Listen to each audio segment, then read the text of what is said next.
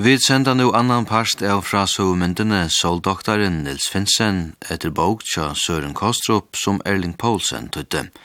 Sjone Selfoss og Jekvan Arke letja til rettes.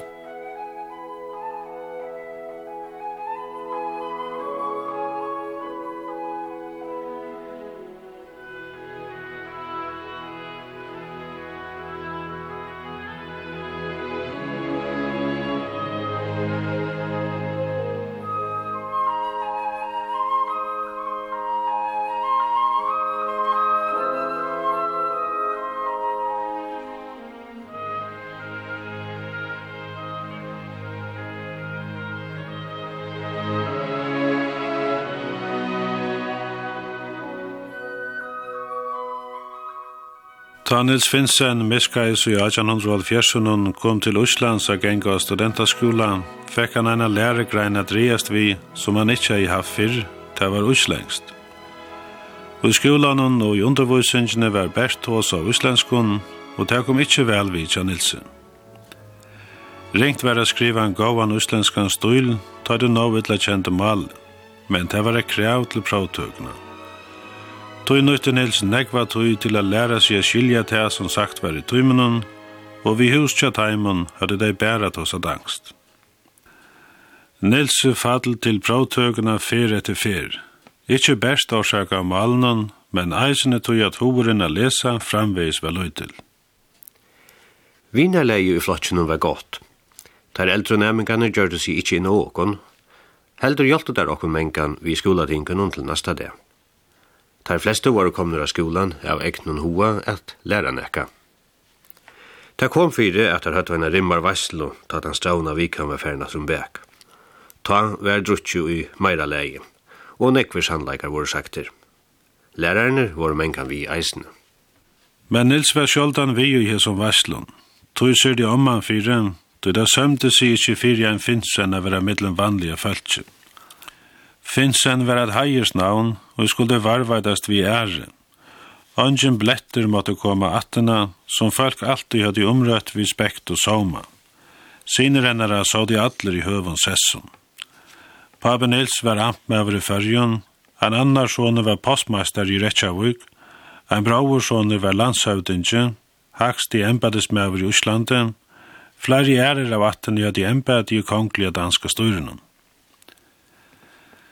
Nils har jo omgang til haft tropleikare av å vera dæne. Jo, kanskje av Herlufsholm er han fyrir vimmennene var føringer og var røpter føringeren. Men her var det spinnande gæli at han var dæne. Det kom fire at tåsa var om politikk og i skolaflotjen. Tveir at av en eldste nemingen var jo eldhoa i tjåskaparmenn. Det er gravd og fullt fralse, sjålbjørnene, og at løst var fra Danmark. Arne Sishnabadne, som var sonur landshøvdingen og tjekk i sema flotje, var det det danska styre. Einstakje lærere tog under vi Arne, men de fleste hilde seg kurrar ta Arne var tja. Ta gjør de er eisene. Jeg hei ikke skilt uslendingarna enn. Ta var som at tarra trobeleikar var ikke munner, og middelen de folk som jeg kom saman vi, var vi søstrusmål skjoldan av ta loftet. Ta våre nekre uslendingar som to som dansk sinnaur ikkje måtte tåsa vi. Ragna, gentan min vegin, var ein tarra. Eit av fyrsta som omman er sagt hon og vær, at hese fölkjeni høyde dei ønske samband vi. Årsøkjen vær at pape Ragne sette djeklenon fyrir negra greiner som han er skrivi bløvenon. Omman er i motla fyrir seg sjølva at han var en avur oppreistra med over.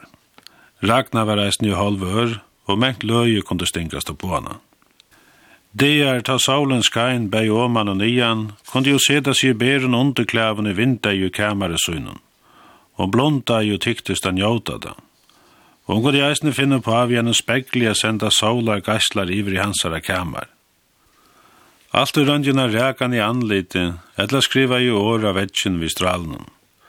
Nilse bægi domte og ikkje domte etta. Sjalt om jeg sett å lese på til dagen etter, kunne de ikke lette være vi at tuja til som hun skriva i.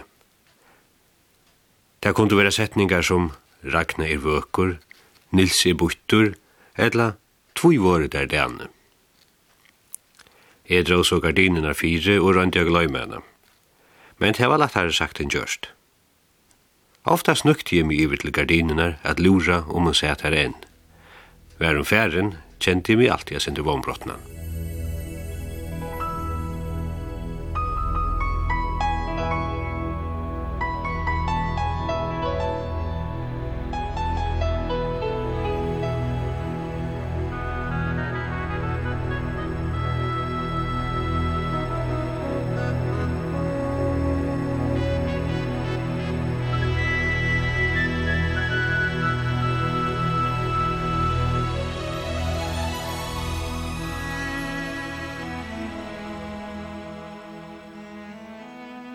Hva var det altså for et land og et folk som Nils Finsen var kommet til? Landi hei elgås og heitar kjelter, landsleie brøttist fyrir hverje hundra fet og tjekst. Oppe vi Øslendingen henger negver eginleikar. Han var bæge gussøttandi jo bensjen, fadaker, jarver, bløyer og forviten, virkesfjusur om sommaren, men hauligar jo veteren. Han hei en vilja som ikkje vikaist.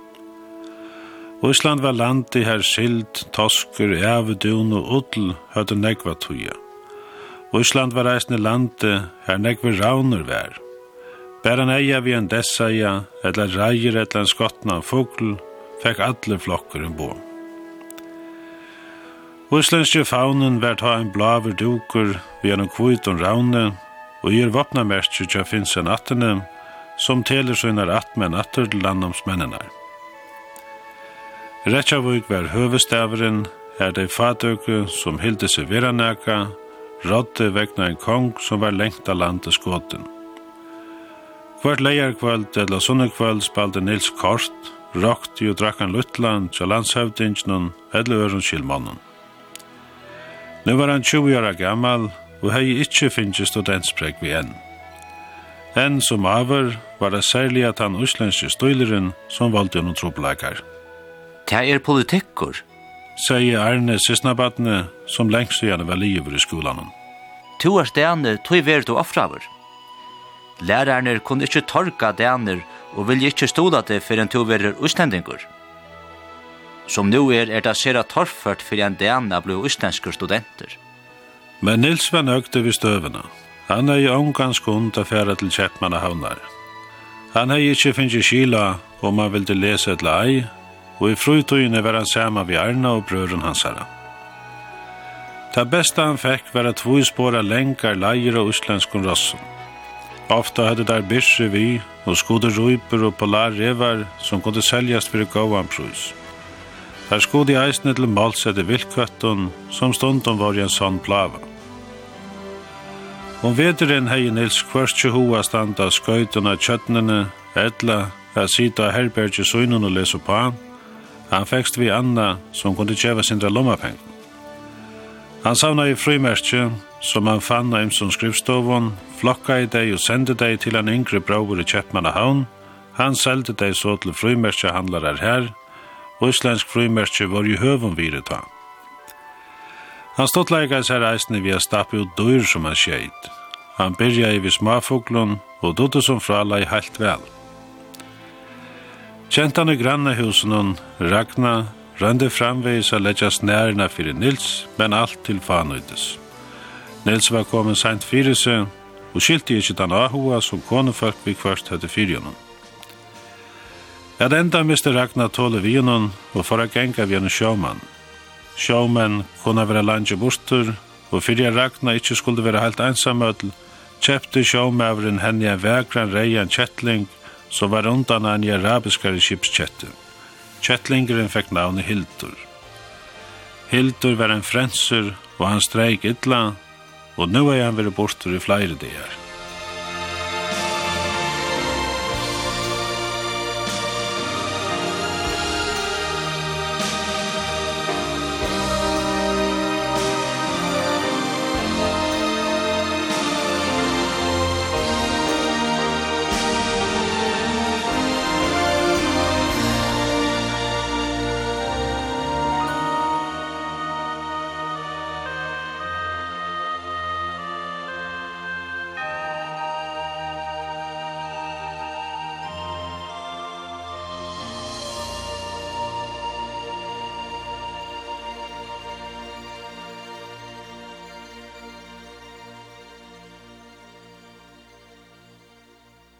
Nils var færen under sitt mestaraverk. Og við nærlagne var det sett saman pette fyrir pette. Hetta var hansara fyrsta stóra anatomiska studium. Hvor løytil smalutur var avduka teknavur og nummer sett av, så sedas kunde rett saman atter. Om man spurte hva han stakaist vi, tog hun så han bæra til måltoginar. Han sværa i at han arbeidde, og rann om han appetet etter spritti og øren løyen, som skulle brukas til nye sjåving og er ringast den ringasta deimen borster. Da han i strevast anna vike var verst livet. Innvølener var i en staurun rundt om glæsen. Tan stauri utstappa i kropperen, og i tyktist av livande var setter i vindøya, under lien i anna raune og anna lomvia.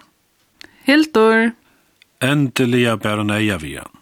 Hver hever du vært, ut barstro? Men hvor kom han ikke, ta jo han kalla i oan. Hva gjer han oppi vindajan hos Nils Finsen? Hildur! Røpt jo natter, til seg i det samme. Du treska best. Hon får etter henne sild, og stod og svadja i viene så kjettan skulle suttjana. Hildur, hikka mamma hevet til tøyn? Sier hon, og atla jeg blæka silden oppa tætja husen og nivri av.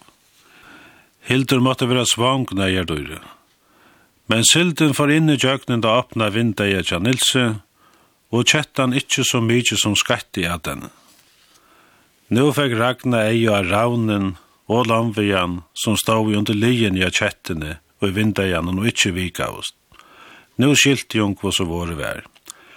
Og i øyene reik dyr, nadir, tverster om gøtene, opp trappene, trakka i horene opp og han pura av fire reika i Nils fikk han iverhaling som han omkant og i atter. Vær om hans har ikkje kommende tar i synti i løt i en kamare og hånden til hjelpar, hei han finnes meina av feriene. Vi hildur i edla tog som etter vera kjetten i under armen hon, for rakne av i vøtlen hon, men åren hon faur skåla i da fyrste ærlige og kjemdar åren og ildbønen om han i Nils, som er så løtena lærde negvuslensk åren. Da han satt hugte i spekle var han ytla vi. Han sa hva seg reier tjoltjen var av syponen som han ei finnes under venkan, og eisne skainenar som han ei finnes av henne kvasse neglun.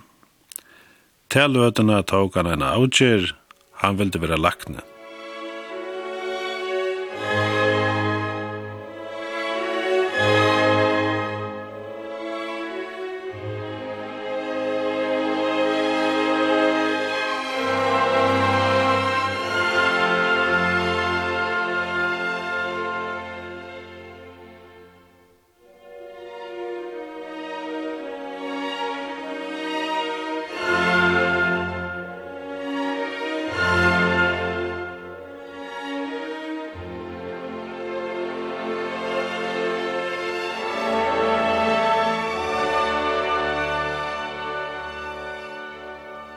Nu tog Nils Anna Kinnonberg. Åtta år etter at han var kommet til Østlands, var sommer i 1802 furs, fikk han bildbukt vid de østlandska støylunnen, fikk studentspreg, og får til Kjeppmanna havnar a lesa til Lakna. Han kunde byggva avkjøpes av Geri i fyra år, og her trefst han vel, men Løyde kom bort ur lestrunnen. Det var negv stottligere å lære Kjeppmanna havn og hansara folk å kjenne. Nils stod det vel av vera saman vi öllum falkun. A gæri les han ekvi bløvunun og var vi jo tjætj om alt møvelit. Han var reisne gavur vimme av at heva, og smaddist ikkje bortur i varslun. Han var oppjøyt i tog frutjar virksemi som var i bøynun, Rasse var bøyt om vi hana sykle, han og vimmennene ravi ut i Øyrasundet, gjør det fimleik og stav i skøytun av vøtnenum.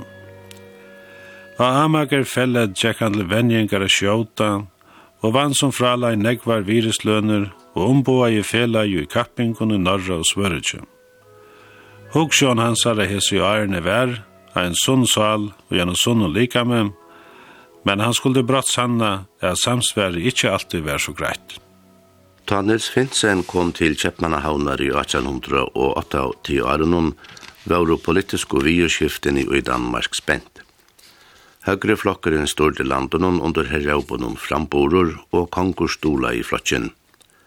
Gassøyeren Estrup var kommet fram et som Rujus rahari i 1805. Og rujtjus stegi var tver tingdolder, folketingje og landstingje. Atler vaksne menn om man fyrir 28 år hadde rett at velja til folketingje, hadde tør ikkje finnje fatakra hjelp, konefølgjene slå på ikkje at velja. Landet var skipa i veldømme, og best han som fikk flestare etkvøver var valtur. Etkvøver grøslan var allmenn, og at Torgino skulle to rette håndene opp at etkvøver.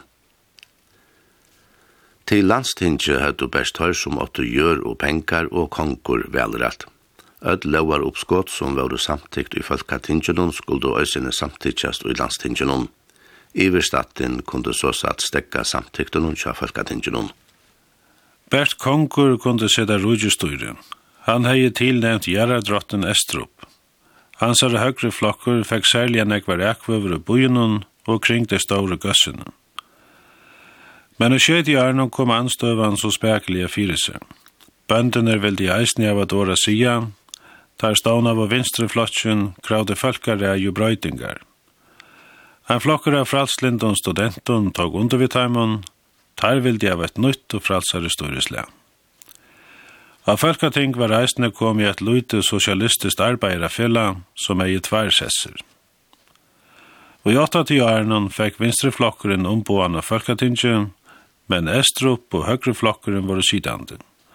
Lag av i arbeid fanna i borster, og Estrup sendte tinget til hus. Han stod til landen vid løgskipan og nekvar, men til hava ikkje ødlund, særlig ikke studenten.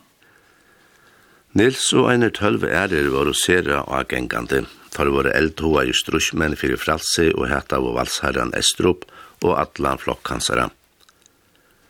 Tar hittust av studentafelanen og agere og våre av ødlom politiskun fundun i Kjeppmannahavn og her om veier. Og en 17. parst i oktober 1805 var skotløst av mot i Estrup og en nøytjanara gammal dronkur, prentaren Julius Rasmussen, tjeit viskampersom. Han rakte ein knapp i frakkanon og kulans meiser fram vid rujusraharanon. Han røynti attor, men rakte ikkje, og vær så tidsin. Estrup slapp pura av skalavur og fóru i Voslo sama kvöld. Høgre flokkeren frøttist og fagna i synen av deilige åttamanne, men studentene og var fra seg sjolvun av øye spedlet hesen knapperen skulle sita akkurat her. Nå slappst ikkje og i nant av Estrup og i lenga tui. Bøyna skulle fyri honom, men kvosso.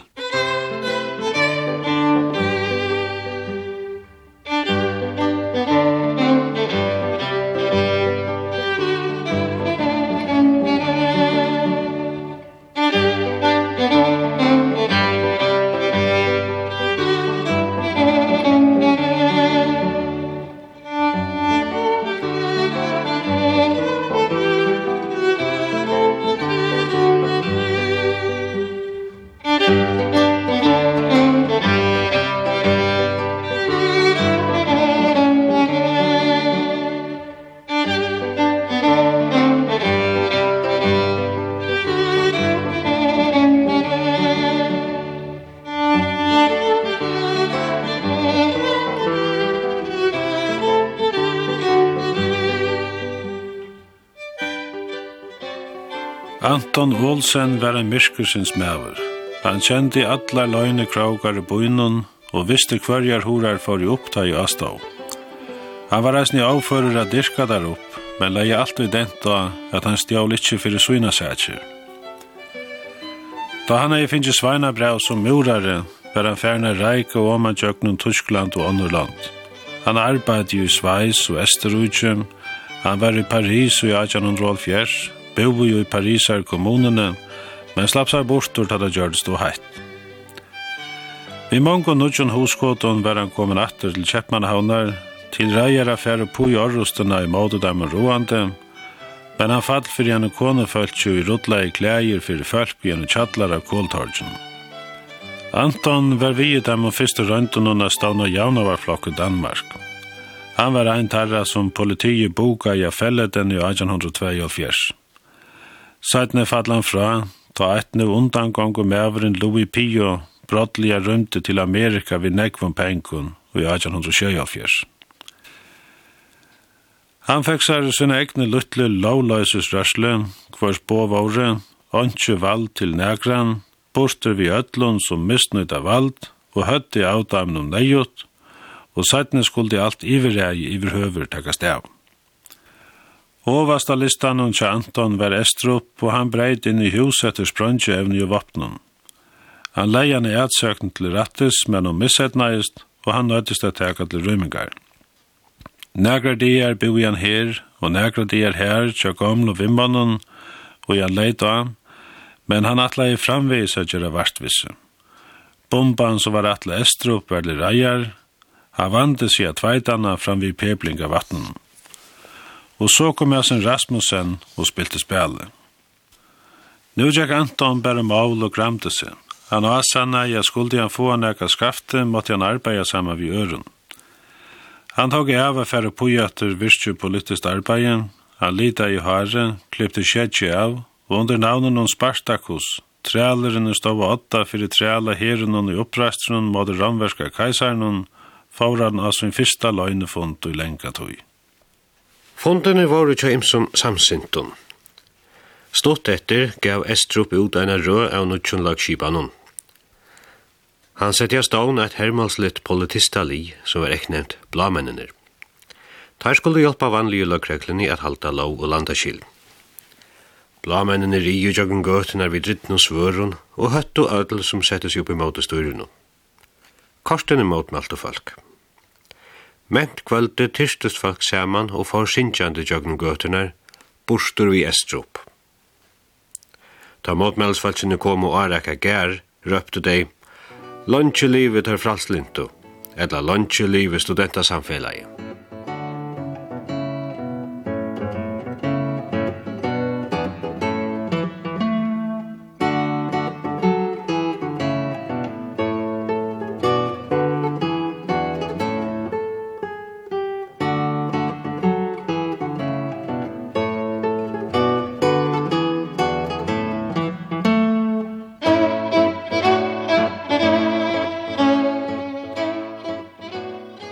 Svinsen hei kamar ut mot rundatårnet. Ur vinda gjennom vattra av studenter vi lomma kluten og røpte landjeliv i javnavarrørslan eller landjeliv i vinstra. Nú stå av gamle nøklum. Det gikk som råda supan om bojen er politiet at leia stondja studentasamfellet og at atler vinstra atler studenter av gære skulle rekast av dyr. Graml hårdest eisni om at Estrup at leia gjerra statskvett. Hva var nu til roar at teka. Vi hildu at vi hadde skildu at gjera det som vi kundu fyrir at verja fralse. Vi gjør av at stavna et størst og omfavnande løgnelet fela. Fyrir jeg vera så være som gjørlet, hei fela i ønske allment endamal, men hver sær visste der hva fela i hei kvittanen. Nils skriva i sætne til han vimman. Men vi fætta vi kjøtt at vi studenter ønske kundu gjera ensamadler. Vi måtte jo kvossus er hava javnavarmennene i Kjeppmannahavn og i parste vi okkur. Tøy voru nekrir okkara senter oman og i Rømersgøtu at hosa vi åtta mennene her i januarflatsjonen. Men tær hildu er best vær fyrir alla parstar at er ikkje våre vi. Etta vær jo voa mykje, og løkreklan vær jaunan etter taimun. Hinn vegin vustu tær okkun annakrar duligar, men ikkje så kjentar jaunavar menn. Flere fonder voru hildnir, og urslidde vær at vi skuldu stående et fela – Til tess at løgreglan ikkje skulle teka allar i senn, om der finko frener om onkran av okon, var samtikt at ongen måtte kjenna meir enn tutsjo limer. Fyrir hverja tutsjo limer var ein form av valdur, som saman vi nutsjo øren månen skipa i fela, og i attervalg ein formann, og så framvegis. Såleis var valde misauna, så at ei mevor, om astå, etter best stuttare løtu kunde roa i vrokken ötlun. Hver formøver skulle kjenne bostegin til limosøynen, og alle limene skulle bygge til saman, så det kunne kalla saman i skunte. Våre flere enn tutsju i enn bøltje var han bytte sunter. Sjálfsagt kunne best avlutende folk være limer. Nils Finsen kom i bølg saman med nekvån imeskon folkon, ein og jansmige, verskamannon, handelsmannon og ein og studenten. Stått etter kom en lov og gilde som sette følse forbå for å kjøpe vapen. Ageri hei Nils kamar saman vi en øren studente og gjør rump. Hesen rump var et vet verri enn jeg. Han vitsa i kring om i bøynen og datt inn av gulvet til høyre munnen og jeg kjente vel og bedt her lenne seg penkar. Fyre penkarna kjøpte han skambussur. Det rådde jo man skunta seg, og er en loven som banna i våpna kjøpet var lust. Våpnene var bort med studentene av gære. Hoskåte at lena penger fra høyre månen var velfakne av okkon vimmunnen hansere. Eit kvölde bølkur okkara hei fonda kameran og rump og mer, hadde vi tølv stuttbysser og eina rifla liggjandi av borren. Jeg sjálfur mundi jo vir at han og hei flest vopn. Jeg hei muna gau rifla, tver stuttbysser og ivalest av lovre. Jeg minnes jeg kvölde jeg var funte. Formøvren var en lagfrøyngur, og av Iva en fytter mævur, men en arvidsknokkur. Han tog seg i nekv, men det var øyelig sveimande. Han tar ikke sige til han tog seg om vi rødt og navne. Jeg var arkur. Jeg var sera framfysen og vinstrahatler om etta munte, ta ringast jeg av dem rinko. Og Iva lest til at arka formannen, får jeg tåsa om jeg søkje et tøyhusnån gømslene til hervalten og få okkur våpen om bare de skulle tidsi seg opp i Kjeppmannahavn. Jeg atle meg å si at gjødlare fra hos jeg hei atle at kjipa og all opp, men ta ble formet helt ussaligur, og tog oppater og oppater at han sier fra seg atle og arbeid av tog jeg sier. At enda be han med tida. Jeg stod leik av meg overførst, til han var blivit så bensjen, men vær samståndes arkur. Ta er snøkte seg til hus tjøknen husken gøtena, Ta teska i Spartakus. Vi mauren, atlanen kjøtt her i gau, hadde vi bæra vir før fri at herseta tøyhusem, så hadde vi nå mykje av lauri og skampersom til at luid i herli. Men hine skilja okkur ikkje tog verre. Ta vi ta bruk fyrir er nøkron kraftagavon brestun og i porsun. Bum! Nils kvakka sindi vi av i sånn åren. Vi er ikke så bra vår med vår. Nils var steg av bra undra enn gøteljøse. Spartakus toa jan inn i skuggan og held fram. Ta vi ræver om er ikkje at himprast, men gjerra ta bors av okkom på en vegin. Men hvordan får vi bombene her? Ta skipar hon sjálf mutter kja mer fire, og en sånn spartanske hesteren. Hon flytjar tøym bæra nekra kurvar vi klævun, husi øyde jo tøyhuset. Spartakus rendi alpo på vinalia inn i søyen av Nilse. Han er i landet veri ringun høyre, men nesten unge studenter enn hei finnjan at ernast atter. Her var om søyre en unge maver som er i huggsjåner. Han uimynda i seg de store portrene i tøyhusen, færre tusen petter og ruk oppe loft. loften. Men bombenar, hva er får vi til her? Arnar måtte reisne til? Nei, det er ikke i sjolvor. Jeg har lønge haft en bombo ved klokk og ytler røyer. Nils var bilsen av at høyretta, men visste jeg at der fink ikkje nekva skaftet tveiregner, sjalt om portrene våre sprangt bortur. Der måtte jeg være flere i part vissar, og så boi etter bovan fra overste laslene, og vana at ånden knapper var i veien. Ein frutja der hårdes gramlom at løgreglan dagen etter skulle kanna herbergen i agerren, studentane fink i skunde bant bortur sunne vapn og laver. Jeg minnes dette så vel. Om midnatta leite får vi undra kvölva alt innbyggve og krekva til og krekvast skulde. Hetta kvöldi hei ein ilbetan om at okkurt óvant að veri umbúna. Ein søvulig hending kanska. Jeg vante meg vi fralæka meting av gøtene, så ut og jett medda vi skampersene, da jeg da kom til partia. Hva var så uslite? Antje hente. Falka tinkje vi skulle være åtta, tordi ikkje. Og ein hatt var det bare godt at antje hente. Hente. Det hei utan Iva kom vi mannen munnen atter en brekkur, hadde vi ikkje vunne sigur. Vi dvaru atletler reier, men i Iva stod om det hei bor til. Men jeg kjente det som en stora skam at han ikke hente. Og hesa skam kjenner jeg enn, sånn jeg var at han var.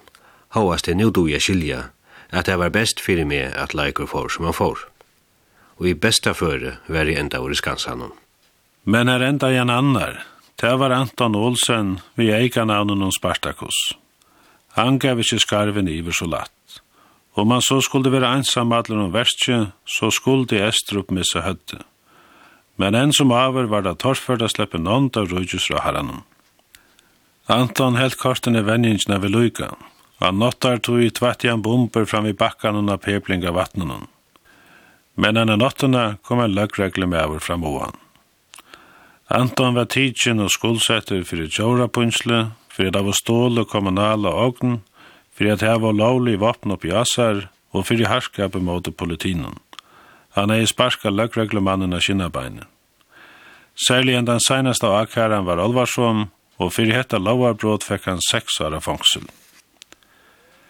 Ta Spartakus kom ut atur i fangselen, var Estrup framveis Rujus Rahare, og høyre flokkeren rådde framvegis fyrir borgun mange år etter det. Men Spartakus var ikke samme med over. Oppreistrar nesten var sløknaver, han leist av sofene, og helst i venjing vi flere fyrir om dagen at veide ølproppar og plussofen ivre pappurskuvene, og boja etter at kolveltingen skulle komme. Musikk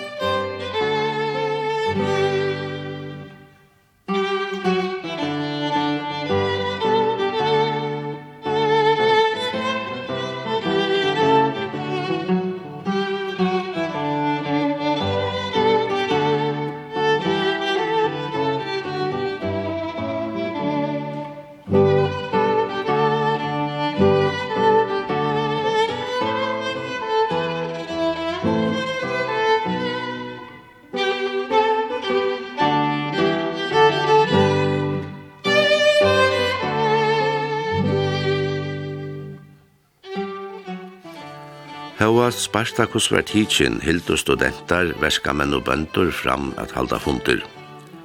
Fundene var jo hildene sjanta kvölde, så allir limer skulle hava høvi at møta. Arbeidsdæveren var lengur tå i tøyene. Mengan var det han fra klokkan 6 av måttene til 8.00 av kvölde. Og sinne leierdæveren var høyler arbeidsdæver, og handlaner var ofta åpner, 17. part sunn og det vi. Og et kvöldi skulle fundur vera klokkan halvgum nutsjo tja øynun verskamanni, og just var flottur lengt ut av Vestur Brygg for at byggva. Bostavren var Bent Petersen, nummer 122, inni i øynun gære. Husene var i fyra hattun og nøy tøyar etter ta tøyar meti. Men var langt og illa færen i røkt. Tæreia tiel gråte var blivet svarst og morret av sauti ur skorstøynen. Nils Finsen fyrir inn jøgnen einar pastor styr og kom inn og gjett hun, og i utti av bøtten og vittlom kattun. Og i mian tune var en brunner og skamt fra en kastur og i hei beinløye samband vi natthusene. Og i ønnen hoppne var en, var snikkar av vestavur og hava santa kvölde var arbeid her. Nils fær inn i husene innan fyrir tune, Ein smøl trappa tjekk opp til uiboene. Her og her var eit vanarett gassljós, og i best røkk i tvei troi trappasti, annars var pura mist. Men eina stane fyrir framman hårdest morran. Nils stekka i av og tendra i eld fyrir sutt. og og domdi ikkje fyrir langur opp, og fyrir stein eina hatt nyer og fanns av køkstrappenar. Der kundi ikkje veri verri enn høvestrappenar, Ganska sinde restar ju skittnare. Men så brattliga vant av trappet trin og han tendra hjäl for jatter. Nu var det folk i trappene. En kona kom nyer trappene vi en smadjent i ørenarmen og han er bytte i hinnar i håndene. Bor ein Petersen her? Konan sverra i, ja. Han held så leina fram, men her som han pikka i på dittnar var best han avvid inne. Han så ytle ut og helt boar hender opp fyrir anlite. Han ei et sevjande svar vid næsarótena og synder roman av tjolkan. Drongren klamsa i horna atter. Nils var ytla vi. Han elta svar i åtti av vire vidkjørt, tog dikvasi og benka i eina fyrir træt, men ongen lad opp. Pedersen bos vi ikke her, så han fornyr atter i gæren. Her var den bera åhumska. Om søyer hørtes den rødt som han kjente, det var ein som eisne skulle de ha funnet. Der kom et loipuene til Ivan Pedersen, inne var Ivan og konan og tro i bøtten, det eldste var fem år, og det yngste tvær mannar. Her var kveld inne. Jeg sitte og var en bankur. Her var et bår som kunde letja saman, men i kveld var kvitur dukur lagt ur det. Kaffekopparna stod framme, og kannan stod og koka i, og en luttlen kom fyre, som eisne var ånur i stovene. Inne var eisne nekre stålar som helst var lanter fra grannanon. Tveir tekassar var setter om og en annan og var brukte som skap. Altarsklægene hinko framme av tveimund akslatrøvun og en nakla. Tvær mynter våre var brøstenon, onnur var av de franska januarmannanon La Salle og hin av høvusanglenon Gabriel. Mellan vetjinar hingu snaurar, fotler av batneklævun til turskingar. De bei største bøtnene krekva av seg gjennom hotne under enne døgna, som var drien opp under øse. De start og smegin at okkon okkonomonon.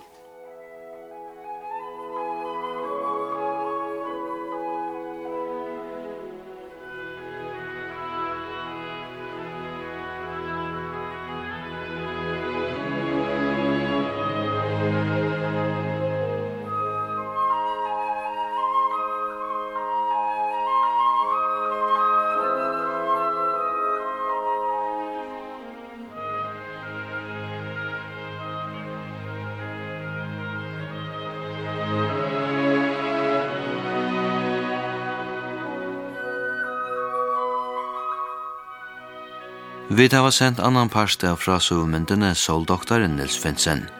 Og i sendingen hørte vi Jekvan Arke, Uivar Iversen, Bjørk Finn Nilsen, Ove Olsen, Randi Saxo og Helga Jakobsen.